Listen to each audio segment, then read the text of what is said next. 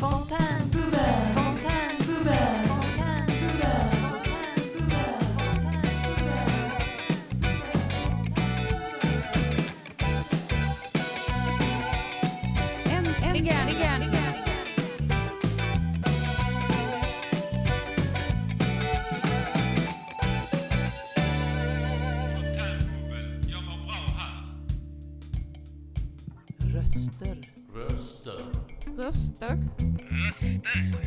Röster.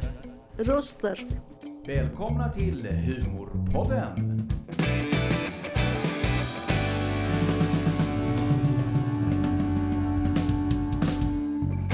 Dina röster i vardagen. Hej, hej och välkomna till Fontänbubbel och Lunds fontänhus eh, som idag kör en, eh, vad vi kallar en humorpodd. Hur kul är det? Det får vi se. Eh, och det är nämligen så att det är Lund Comedy Festival och vi är med i ett härligt samarbete med just festivalen och Anagram och kör eh, en humorhub här på Lunds fontänhus. Eh, och det kommer hända massa saker under dagen. Jag har ett litet eh, program här så jag kan bara snabbt säga att den här podden då, Fontänbubbel, kommer prata lite om humor. Eh, jag kommer inte köra några skämt eh, utan jag kommer vara dödligt allvarlig såklart eh, eftersom all sann humor eh, grundar sig i allvar. Men efter den här eh, podden så kommer eh, Fontänhusets alldeles egna kör uppträda här nere i restaurangen. Eh, Vi kommer ha en komiker som heter Isak Berg som dyker upp klockan fyra. Kunskapsbaren låter jättespännande. Ja, här står Kunskapsbaren, men nu fick jag precis eh, lite eh, inside info att det heter Kunskapskabarén. Eh, och eh, klockan sju sen så kommer en annan komiker som heter Linus Mattsson tillsammans med Madeleine Walderhaug som kommer att uppträda och säkert köra lite roligare grejer än vad jag gör här. Så jag tänker egentligen att eh, vi kommer väl dra igång det här. Det kommer vara lite gäster. Vi kommer prata med eh, Magnus Nylander, vi kommer prata med eh, Martin Svensson och jag tänker att jag pratar lite om vilka de är om ett litet tag.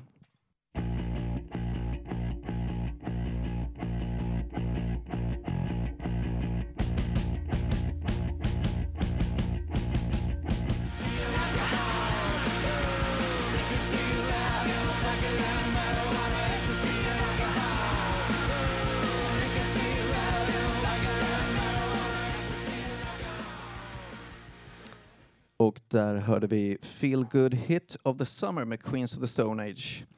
Och som sagt, Fontänbubbel lyssnar ni på och nu står jag här med eh, Magnus Nylander. Välkommen. Tack så mycket, tack så mycket. Och eh, du gör ju massa olika saker. Ja. Eh, bland annat jobbar du ju på Lunds fontänhus nu. Ja, jag har jobbat på Lunds fontänhus i cirka ett år och jag är projektledare för någonting som kallas för Joint Attention eh, Eh, som syftar till att ge medlemmar i Lunds fontänhus en meningsfull vardag eh, genom att skapa scenkonstverk på olika sätt. Så genom daglig verksamhet kan man väl kalla det för, med hjälp av professionella kulturarbetare, så skapar vi teater, bild eller musik. Precis. Och hur många är ni som eh, är med där? Eh, Just nu så har vi ett bildprojekt och ett teaterprojekt och det är sammanlagt eh, cirka 25 personer som är Mm. närvarande i det projektet. Och till det har vi då en bildpedagog och en teaterpedagog som arbetar med dem. Och då jag som är projektledare som en sammanhållande länk.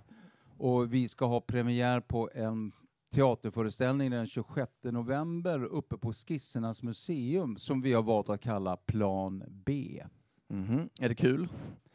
Jag tycker det är skitkul, men eh, alltså oj vad mycket det är att göra också och så vidare. Så att eh, det är mycket tid jag lägger ner på det, verkligen mycket. Och jag upplever också att våra deltagare har, har det väldigt bra hos Mm. oss och att det händer saker, till exempel att man kommer igång eftersom man måste komma hit och vara här på morgonen, alltså enkla grundläggande saker. Men också att man bryter sin isolering, för många kanske hamnar i någon form av ensamhet hemma och med hjälp av det gemensamma målet, joint attention, eh, så bryter man det och Mm. får vänner, får mening och en funktion. Genom den strukturen vi erbjuder. Mm, det låter ju fantastiskt. Det är Ja, fantastiskt. härligt. Det är Guds gåva till mänskligheten och då är jag inte ens en gång religiös. Där ser man. Men du är ju också en massa andra saker. Du är ju egentligen skådespelare. Eh, Från början är jag skådespelare. Jag var med Precis. och startade Månteatern här i Lund som fri teatergrupp 1986 och var verksam där som regissör, skådespelare, dramatiker, dramapedagog. För på en fri teatergrupp som Månteatern är så måste man göra många olika saker. Eh, Och jag kan också skryta då med att början på 00-talet så var Månteatern en av de största fri, fria teatergrupperna i Sverige. Och sen slutade du och då Och så gick det ut för. det gick det ut för. Faktiskt. Mm. Så, utan att eh, säga något mer om Nej, det. det, vi behöver inte gå in på det. Nej, absolut inte. Men så är det faktiskt. Absolut. Eh, men så är det också så här att eh, vi ska prata humor idag. Den här dagen går ju i Humorns tecken. humorns tecken får man Ja, säga. för att vi har ett samarbete med Humorfestivalen och det kan Precis. inte nog eh, eh, vad heter det, påpekas att det är så. Jag tycker det är skitkul därför att det vi gör det är att vi öppnar Lunds fontänhus dörrar mot en yttervärld och säger välkomna hit. Vi är ungefär som ni kan man väl uttrycka det som Mm. och var inte rädd. Mm. Eh, Precis, och det är ju jättebra. Jag tänkte lite just eh, eh, humor. Alltså, eh, som sagt, Lunds fontänhus jobbar med eh, en, rehabilitering av människor med psykisk ohälsa Ja. eh, på olika sätt. Man kan vara med i Joint Attention, man kan vara med i massa olika enheter här och Ja. engagera sig. Eh, eh, är humor ett bra sätt? Att, att, eh, är det en- en rehabiliteringsform egentligen, humor? Jag tror ju att eh, när du kan skratta åt dig själv, då tror jag att du mår bra. Mm. När du kan se att, eh, att du inte är perfekt. Mm. När du kan acceptera dina brister. Och det gäller ju inte bara människor med psykisk ohälsa. Jag tror det gäller generellt. Sen när, det är ett, när man har, är i ett svart hål så kanske det är svårt att skratta. Men jag tror också skrattet, det gemensamma skrattet, kan ju skapa en närhet och värme eh, mellan två människor som gör att man kanske känner sig tröst. Mm. För en människa som är ledsen eller är i sorg över sin situation eller hur man ska uttrycka det här, den behöver tröst. Mm. Och skrattet kan vara en tröst, anser jag. Mm. Men ja, det, så tänker jag. Mm. Vi Ja, tänker jo. olika. Ja, fast jag tänker att humor är väl någonting som också... Jag menar, vi, Mm. vi har ju en vardag här tillsammans med ungefär 100 Ja. personer som kommer hit. Ja. Eh, och att eh, det blir mycket skratt, det blir mycket humor. Så att det, men, ja, men det mest jag är lite nyfiken på, så här, kan man formalisera humor som ett eh, eh, verktyg? liksom? ja, men jag tänker på, när du säger så, så tänker jag på skrattyoga. Det är ju Mm, en formalisering precis. ju. Eh, Och att man samlas i grupp och skrattar med varandra.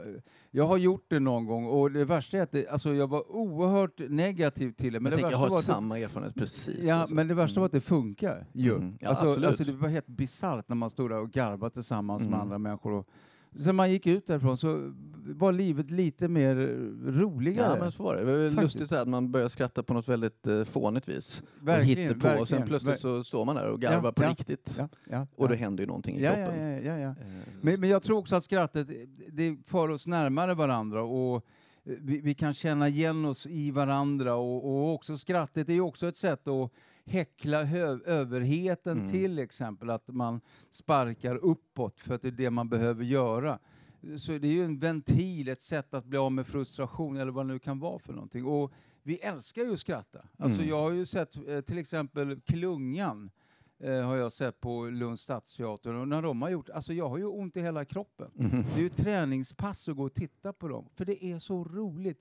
Och sen är jag väldigt tillfreds med livet en bra stund efter det. Mm. Så jag tror skrattet är en oerhört bra kraft att, hitta. Men när man är i det svarta så kanske det inte är så enkelt. Nej, Så. så är det ju. Absolut.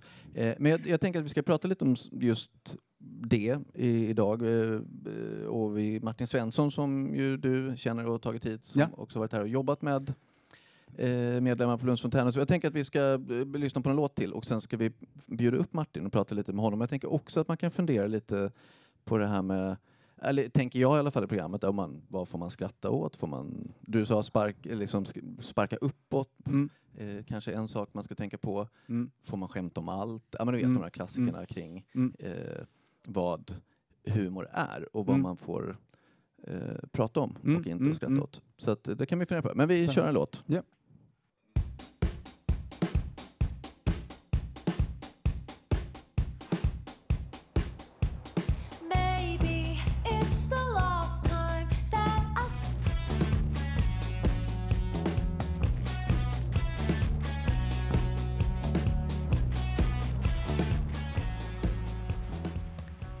Och välkomna tillbaka till Fontänbubbel. Där hörde vi Lungs med Stella Donnelly.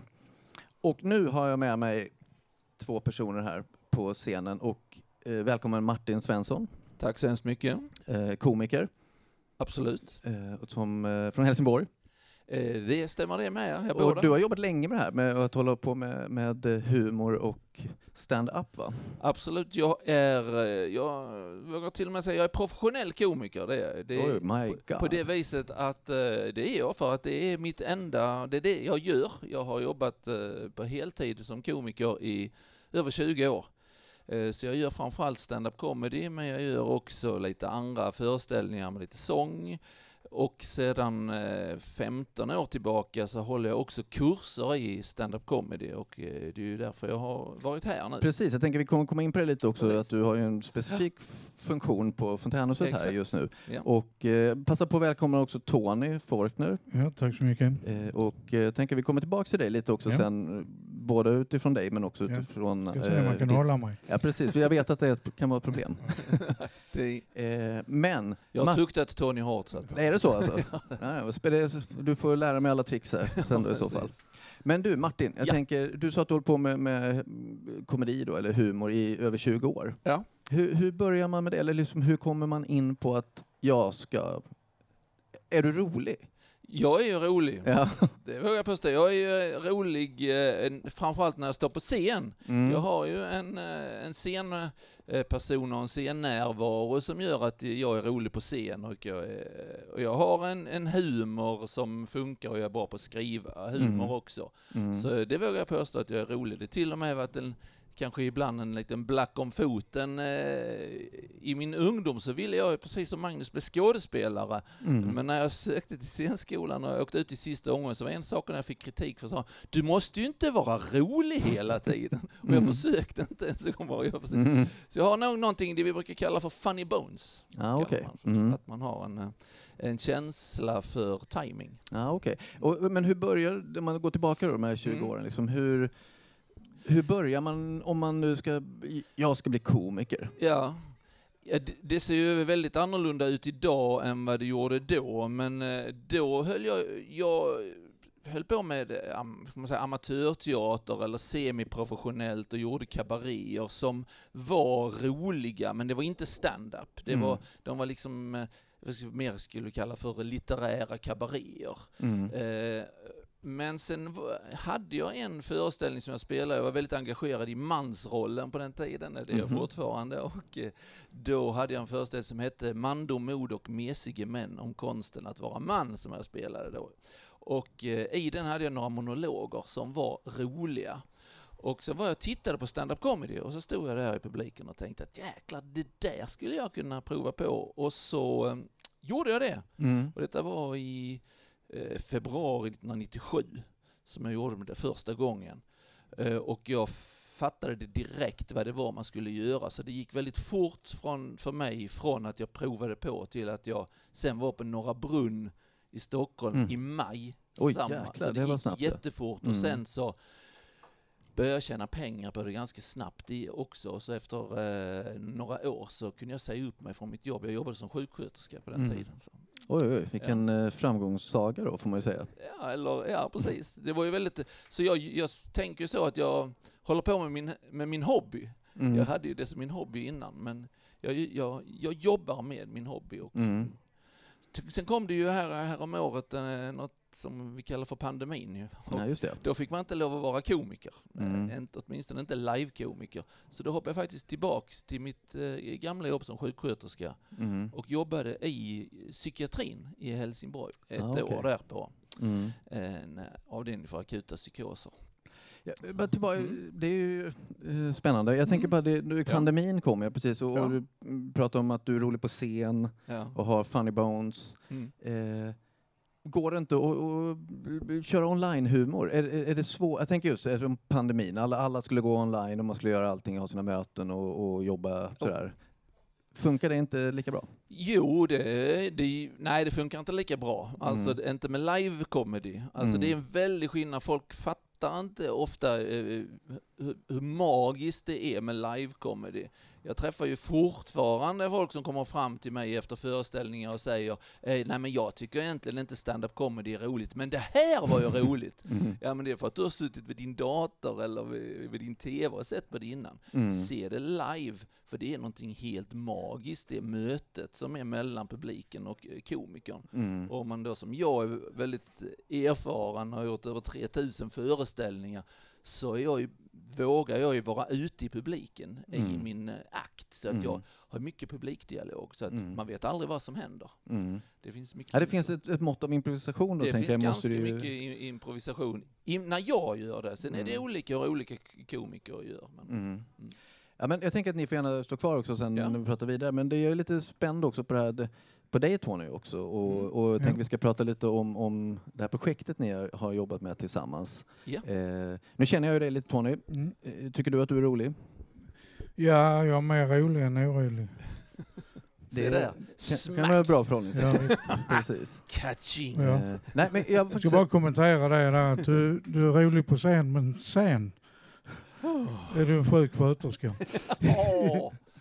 Ja, ordlekarna är ju ett, ett, litet kapitel för sig då i humorsammanhang. Eh, nej, men och, Tony, du eh, är ju väldigt engagerad i mycket saker. Vad är det, vill du berätta lite om det här projektet som du och, har jobbat med Martin i här på Ja. Fontänhuset? Eh, Det är en eh, stand-up-kurs där vi lär oss tekniker och ja, lär oss stryka grejer från vår... eh. Precis som det var i teatern. ja. Eh, för det är ju ofta så att man lägger till en massa för mycket och sådant. Så det har ju Martin hjälpt oss väldigt mycket med. Timing är liksom en, en viktig ja, timingen har ju redan, bara det att jag, jag lägger den lite fel för jag, ibland. Timing som ligger fel, det är något nytt. Mm. Ja, det är också en, någon typ av timing. Ja. Men hur har det gått till då? Jag tänker så här, det, det är, för man kan ju tänka så här, humor, ja, men lite som Martin sa, det är någon, jag är rolig. Men hur tusan lär man sig humor? Alltså det var ju en eh, som sa ju att humor det är alldeles för allvarligt för att skoja om. Mm. Hasse Alfredsson. Men eh, det är ju... Jag tror att man måste ha någonting. Det kommer inte automatiskt tror jag. Mm. Men alla kan vara roliga. Mm. Men att köra en stand-up är nog lite annorlunda ändå ju. Mm. Men Martin har ju sagt att eh, vi har kommit mycket längre än man brukar göra med gäng. Mhm. Som, Ja, eh, kul. Mm. Ja. Men du Martin, du, eh, så här, till, frågan till dig då. Hur, hur, hur lär man ut humor? Eller är det så ni jobbar liksom? Ja, alltså, på din fråga där också till Tony så är ju mitt svar att ehm, alla kan eh, vara ro, alla kan vara, alla kan lära sig. Jag har haft kurser i, som sagt i många år, haft många hundra som har gått och alla har uppträtt efter att jag har haft kurs och alla får skratt. Mm. Så, man kan ju lära sig tekniken. Det svåra är egentligen inte att vara rolig. Det är alltså skillnad på humor och komik egentligen. Alltså komik är ju en, en en gren inom humorn och det är det vi håller på med den här eh, kursen stand-up comedy, komiken då. Mm. Och eh, det svåra är som sagt inte att vara eh, rolig, för det kan man lära sig. Det svåra är att vara intressant. Mm.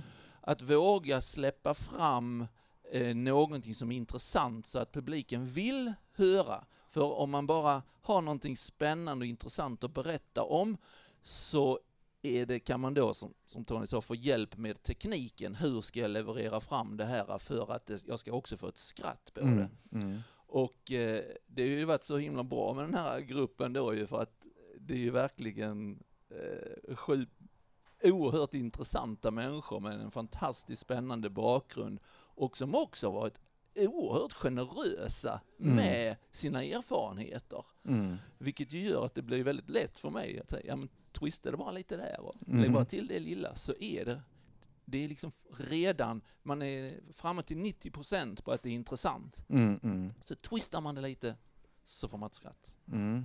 Så det är, men det är rätt mycket jobb då, tänker jag Tony, i, i- att... att eh, det är ju mycket jobb med det. Man får ju skriva ihop någonting själv ju. Martin skriver inte till oss, det tycker jag är lite dåligt. Mm, mm. Men eh, jag, psykiatrin, när man jobbade där, var man rolig där så blev man utskriven. Mm. Hörrni, ska vi köra en liten låt och komma Vi tillbaka låt. lite? Ska vi dansa? Ni får jättegärna dansa, alla får dansa såklart eh, i rummet och på scenen.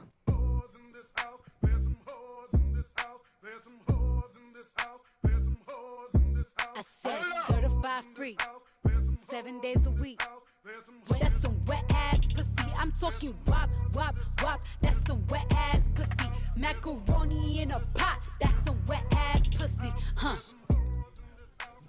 Okej, välkomna tillbaka till Fontänbubbel. Där hörde vi WAP i förkortningen av eh, Cardi B och Megan Thee Stallion. Och anledningen lite till att vi spelar den eh, så är ju det att vi hade, den var med i en, en podd som vi körde för länge sedan och det blev ramaskri eh, hos vissa lyssnare.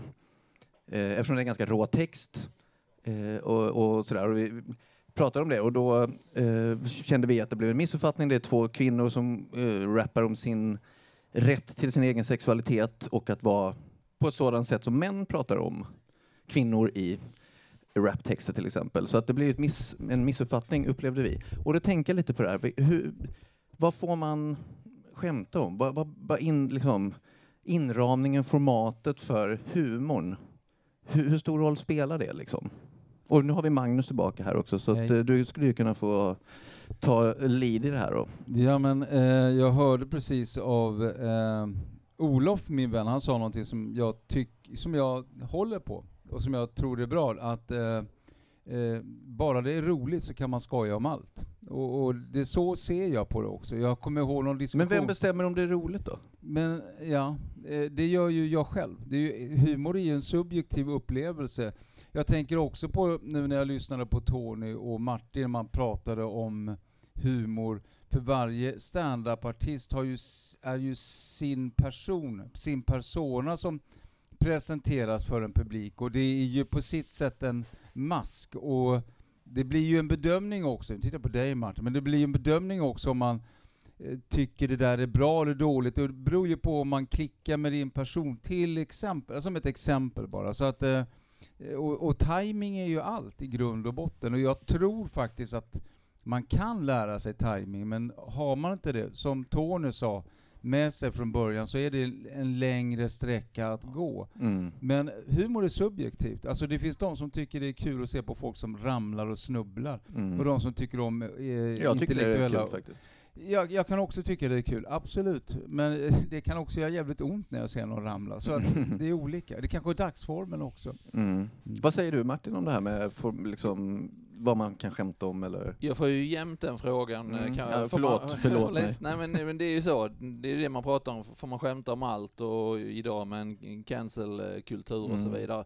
Eh, mitt svar på det är att eh, man eh, inte bara får skämta om allt, man bör skämta om allt. Mm. Man, man definitivt både kan och får och bör skämta om allt. Men jag brukar också säga att det finns också en eh, aspekt på livet som heter omdöme. Mm. Så att det finns en tid och en plats för varje skämt. Och det är den eh, grenen som kanske folk alltid, alltid är så jättebra på att hitta eh, omdömet. Och idag med sociala medier och spridning och folk som sprider och delar saker kanske helt eh, okritiskt så kan ju saker och ting hamna på fel ställe där det inte Mm. var tänkt. Och då läser man in precis som på den här låten då, då läser man in saker som den inte alls hade. Man förstod inte bakgrunden till Mm. det och då blir det fel. Mm. Men det, det, är, det är inte fel på skämtet eller fel på humorn. Men, Men alltså är om vi då- börjar säga att man inte får skämta om det, då är vi ju illa ute som, som eh, mänsklighet alltså. Mm, men jag tänker du har varit med så länge också ju, under, liksom, och jag tänker att det har ju förändrats kanske, eller eh, klimatet kring humor.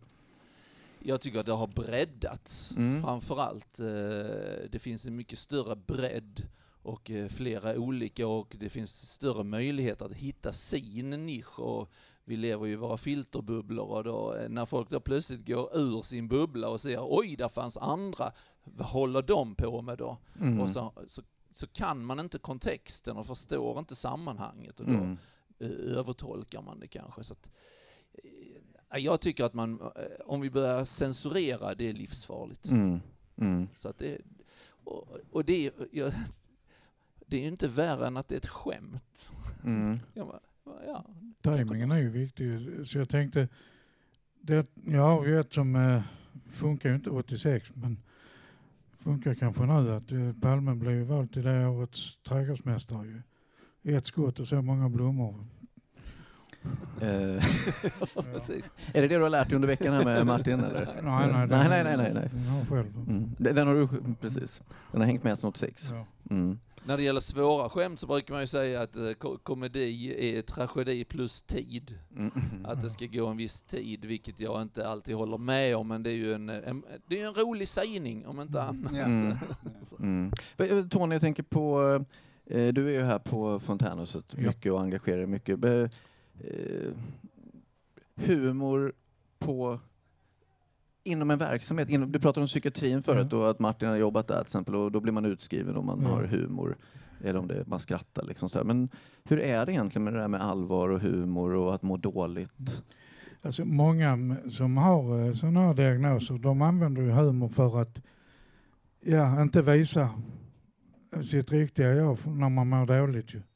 För eh, på något vis så anses inte det vara socialt an, an, okej ju att visa när man mår dåligt, för ingen orkar lyssna ändå. Mm. Men det blir som en försvars... Det blir som Humor en fasad en- liksom, man lägger på sig. Mm. Jag använder det mycket. Ja, absolut. Mm. Eh, Men känner du att... Eh, eh, gömmer du dig själv då bakom humorn? På Ja, sätt? ibland. Mm. Ibland är jag bara rolig, det kan jag säga. Ja, absolut. Så kan det vara. Ibland är jag bara orolig. Så det, det, det är Mm. liksom, det är nära till hans bägge två. Mm. Vi- hade, ja. Vi pratade faktiskt om det på första, eh, första dagen. Vi har ju haft en ganska kort eh, kurs då. Vi har träffats vid fem tillfällen, bara två timmar varje gång. Mm. Eh, Ja, sex. Mm. Och den första dagen där pratade vi mycket om det här och då var det någon som sa just det här att ja, men det, man använder och kan använda som en coping-teknik Mm. helt enkelt. Att Mm. eh, låta ja, den där ångan pysa ut på något sätt. eh. Så jag, jag hade inte riktigt tänkt på det på det, eh, på det sättet tidigare. Mm. Eh, Så det, det var ju väldigt bra, det var en riktig ögonöppnare för mig att såklart är det ju så att om man har, är, har väldigt mycket eh, frustration över någonting och så bara att få lov att prata om det. För att det är ju så att scenen, när man står där på scenen, till exempel med stand-up comedy, Mm. då har man ju makten, man har ju Mm, mm, ordets mm. makt. Man kan ju säga, jag säger vad jag vill. Go fuck yourself om du inte gillar med vad jag pratar om. Det är bara att gå ut, det är inga problem. Mm. Jag snackar om vad jag vill. Och där har man ju en, en väldig möjlighet att eh, ta upp saker som man, som man verkligen brinner för. Mm. Sen är det ju roligt, om det är roligt. Det är ju en fördel, absolut. ja, är bra. Ja, men jag tänker, för du var inne på det här med skådespel, alltså du ville ju bli skådis från början. Eh, och, sådär, och vi pratar persona och att man liksom tränar tekniker och sådär. Eh, jag tycker det verkar så läskigt Jag är gå upp och också just... skådis eh, för att jag har ju spelat frisk hela mitt liv. Du, precis.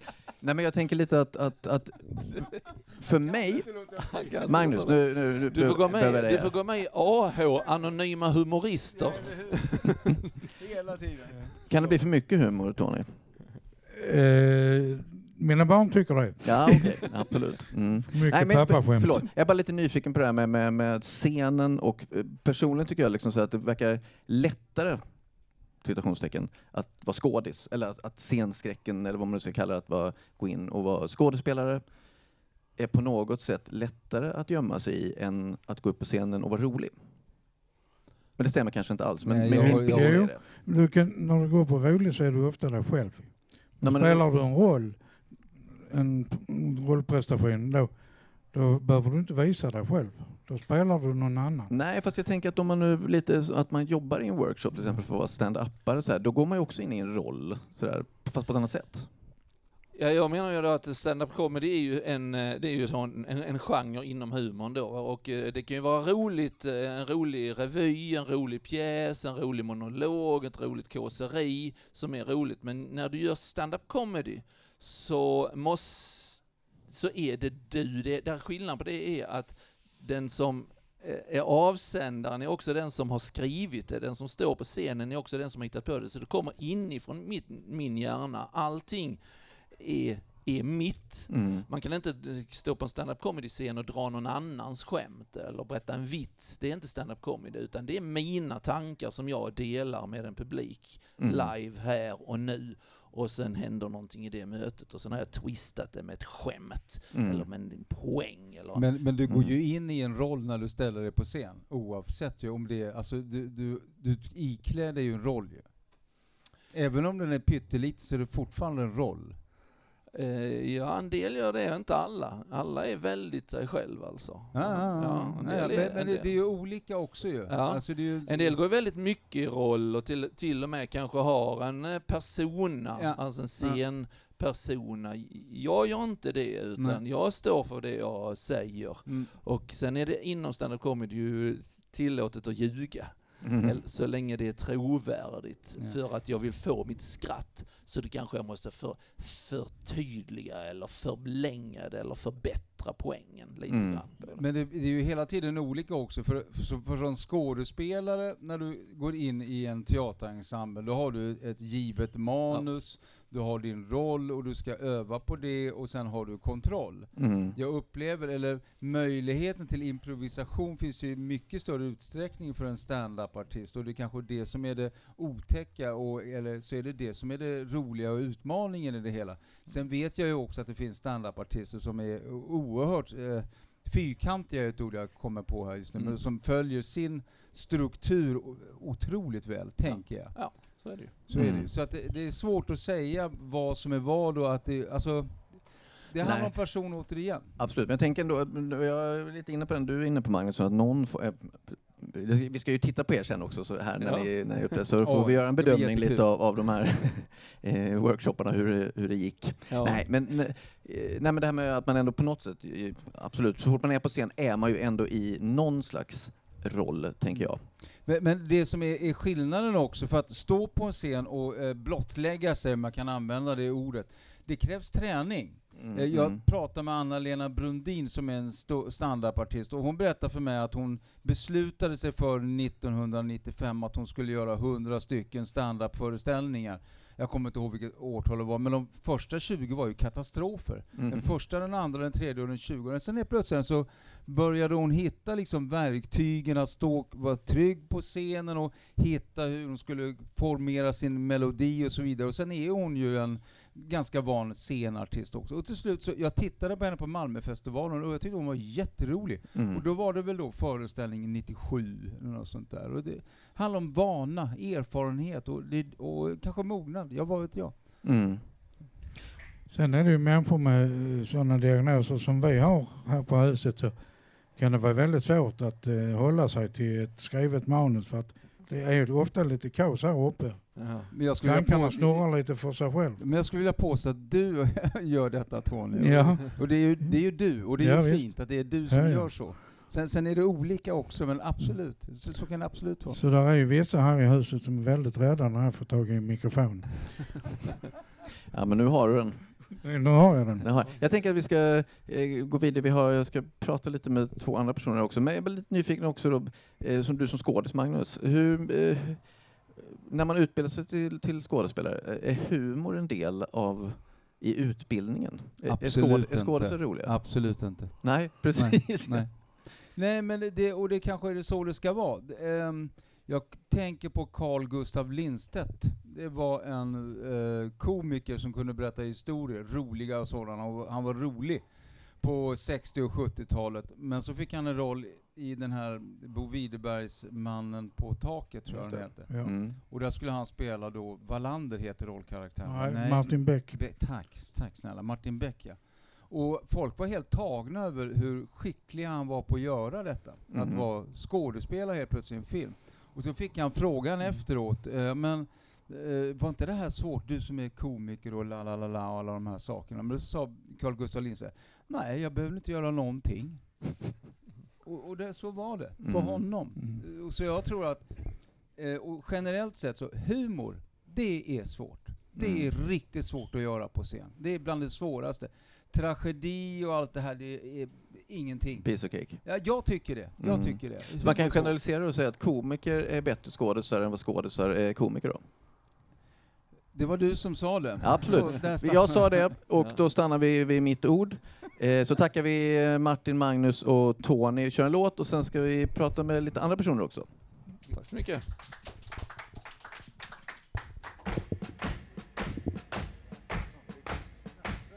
Remember when you ran away and I got on my knees and begged you not to leave because I go berserk? Well, who sit and smile and twiddle their thumbs and toes, and they're coming to take me away. to the funny farm where life is beautiful all the time, and I'll be happy. Okej, då är vi tillbaka. Och det vi hörde var ju They're coming to take me away. En gammal klassiker med Napoleon the 14th. Och nu har jag Anna med mig här som är medlem på Lunds Fontänhus. Välkommen. Tack så mycket. Hur är det med dig? Eh, jo då, det är rätt så okej idag tack. Mhm. Lite trött så men Eh, jag tänkte nu, nu hörde vi den här låten här och så pratade vi förut om vad man får skämta. Får man skämta om psykisk ohälsa? Det här är ju ett skämt om ja, men, det, kan- eh, tvångsjackan på, tvångströjan på, väg till, till psykakut liksom. eh, ja, det är lite svårt att uttala sig så eh, generellt om det för det är lite både och. Uh, något som jag har varit med om som jag tänkte på nu det är ju att eh, ibland inom psykiatrin och läkare och sånt som har um, eh, försökt skämta till det och att man istället har tagit illa upp liksom av det. Alltså i samtalet? Ja, liksom, i sådär. samtal om det handlar om liksom hur man mår och allting. Att om de ska komma med någon konstig liknelse eller någon historia och då, då tycker jag inte det funkar Mm. alls. Det kan förstärka liksom ens mående, alltså dåliga mående. Mm. Ja, men lite Eh, som timing pratar om att, att det, Ja, det kan bli fel. med- Precis, med det. ju, hur man liksom, vad man säger ju. Mm. Sen är jag ju, jag tror lite det har med att göra hur man är uppväxt liksom också. I Hur tänker du då, alltså? Eh, min familj så har det alltid varit mycket skämt och sånt ju. Eh, och sen, ja, vissa skämt har kanske inte alltid varit, varit roliga så, eller det har blivit lite, ja. Men sen har jag ju förstått, alltså sen finns det ju andra då som har tyckt att det vi har skämtat om i vår familj, det tycker inte de kanske är så kul eller tycker det blir lite grovt. Mm. Ehm, och sen, eh, sen är det liksom situation situation och liksom beroende på vilken man pratar med och liksom vad man har för relation till den personen.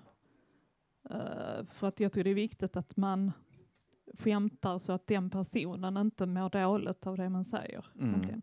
Ja, men det är väl, tänker jag, precis, det är väl en skillnad. Tänk, nu pratade vi ju om den professionella humorn förut här med stand-up och sådär.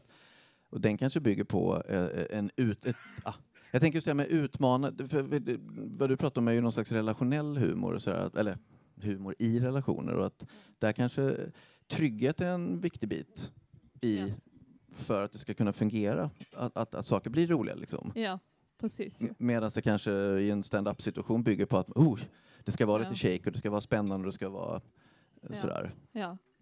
Eh, men sen annars så tror jag ibland att man, alltså humor är ju en del av det som gör att jag, ehm, ja man klarar av saker och ting ändå lite lättare om man kan skratta åt det ibland. ju. Mm.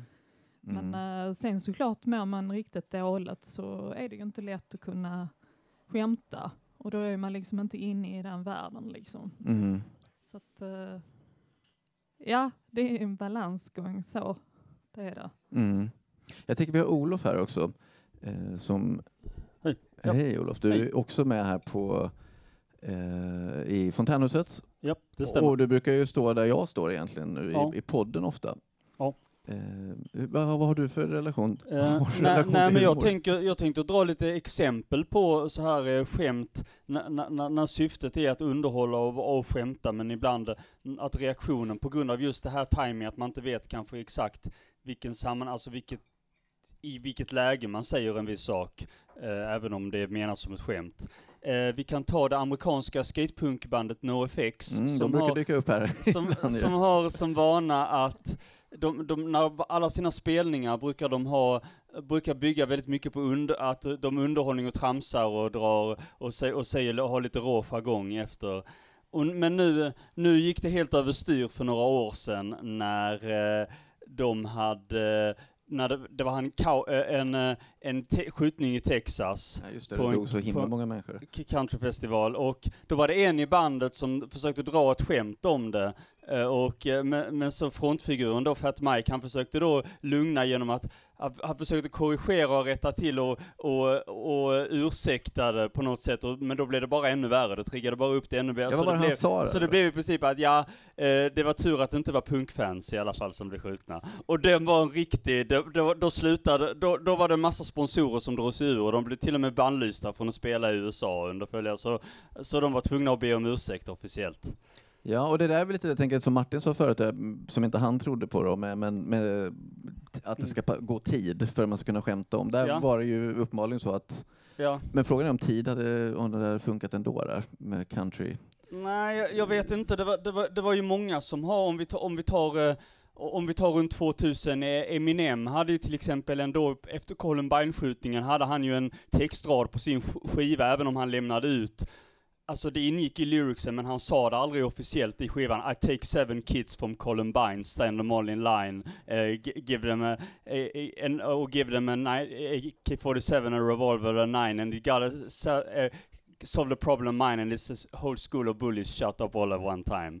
Det är också lite grann, och, och, där är det, då, men, uh, men där censurerade han sig på skivan så att säga, även om det, det är ännu mer känsligt på något sätt annars att säga någonting på en skiva. Mm. Men eh, det kom i alla fall i lyricsen, så han kan ju knappast säga att han inte stod för den texten. Men, eh, men i alla fall, det fanns på det här temat att saker kan vara roligt, eh, att det kan bli roligt efter ett tag, så, hade, så var det ett eh, South Park-avsnitt som, som hette just Jared has AIDS, och då var det någon, det var någon person som var i ropet då runt år 2000, början av 2000-talet, eh, som, som hette Jared, som hade blivit känd för att han hade för att han hade ätit på Subways varje dag och blivit smal på grund av det, eller blivit vältränad på grund av det. Men så visade det sig att det var bluff, att eh, han hade aids, alltså, alltså sådana här eh, olika eh, medhjälp, alltså så, som hjälp, alltså att man har eh, aid, alltså stött, stöttning, så att säga, Mm. personlig, personliga coacher som gjorde,